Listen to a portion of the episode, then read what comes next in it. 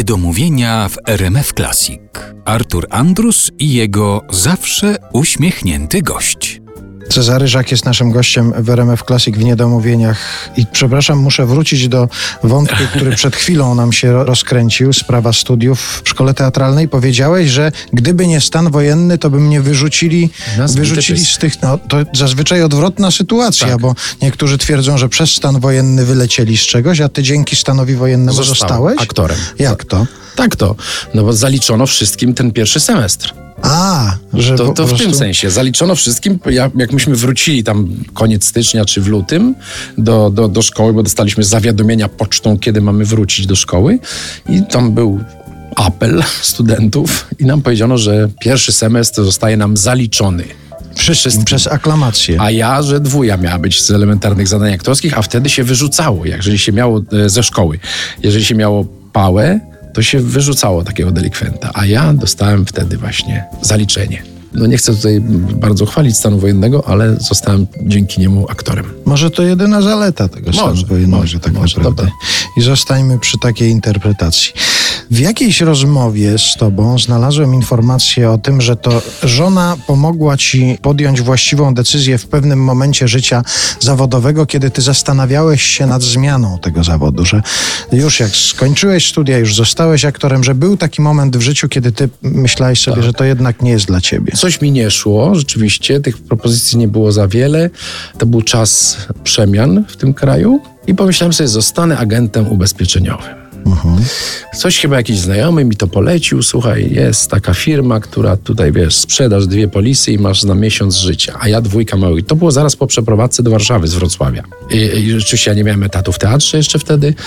Grywałem jakieś epizody w filmach, ale bardzo rzadko i pomyślałem, no dobra, czas na zmianę, trudno. Teraz będę agentem ubezpieczeniowym. I po miesiącu czy po dwóch, kiedy udało mi się sprzedać jedną polisę ubezpieczeniową i to koledze, bo mu zagroziłem, że po prostu się z nim nie będę kolegował, Kasia powiedziała, no czyś ty zwariował, no nie, no musisz wrócić do zawodu i musisz gdzieś pójść, nie wiem, do jakiejś agencji aktorskiej, musisz chodzić na castingi, musisz, bo co, no, no z, z agentury nie wyżyjemy ubezpieczeniowej. I tak, i dzięki niej rzeczywiście e, na powrót uwierzyłem w siebie. A kiedy był taki moment, a może powinienem zapytać, czy był taki moment, bo może też rozważasz jeszcze różne warianty swojego dalszego życia Aha. zawodowego. Czy był taki moment, a jeżeli był, to kiedy?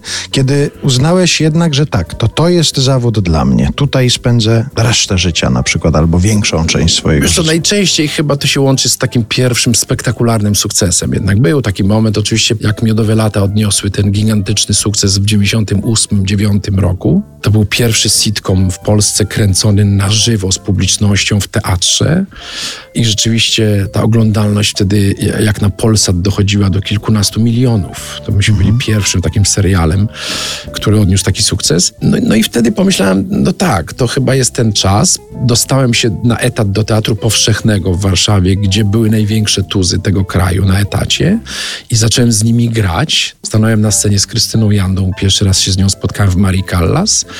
No i to był chyba ten moment, kiedy pomyślałem, że już tu zostanę w tym zawodzie. Znaczy do głowy mi nie przyjdzie, żeby cokolwiek innego robić w życiu. A ponieważ te sukcesy, no kiedyś jak zacząłem mówić w, w jakiejś gazecie, że sukcesy, to się na mnie hejt wylał, że sukces, jak pan może tak mówić. Mhm. Ale dobra, trudno.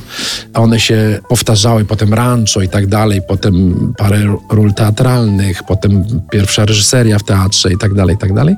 Mnie utwierdzały w tym, że dobrze, dobrze, że zostałem, dobrze, że, że uprawiam ten zawód, bo już mniej więcej wiem, jak się gra, żeby było dobrze i w dobrym guście. A tamten kolega, któremu wtedy sprzedałeś te polisę, nie odzywa się od czasu do czasu, żeby chciał odnowić albo nie, coś? Nie, nie, nie odzywa się, ale się śmiejemy, jak się spotkamy z, z tego faktu.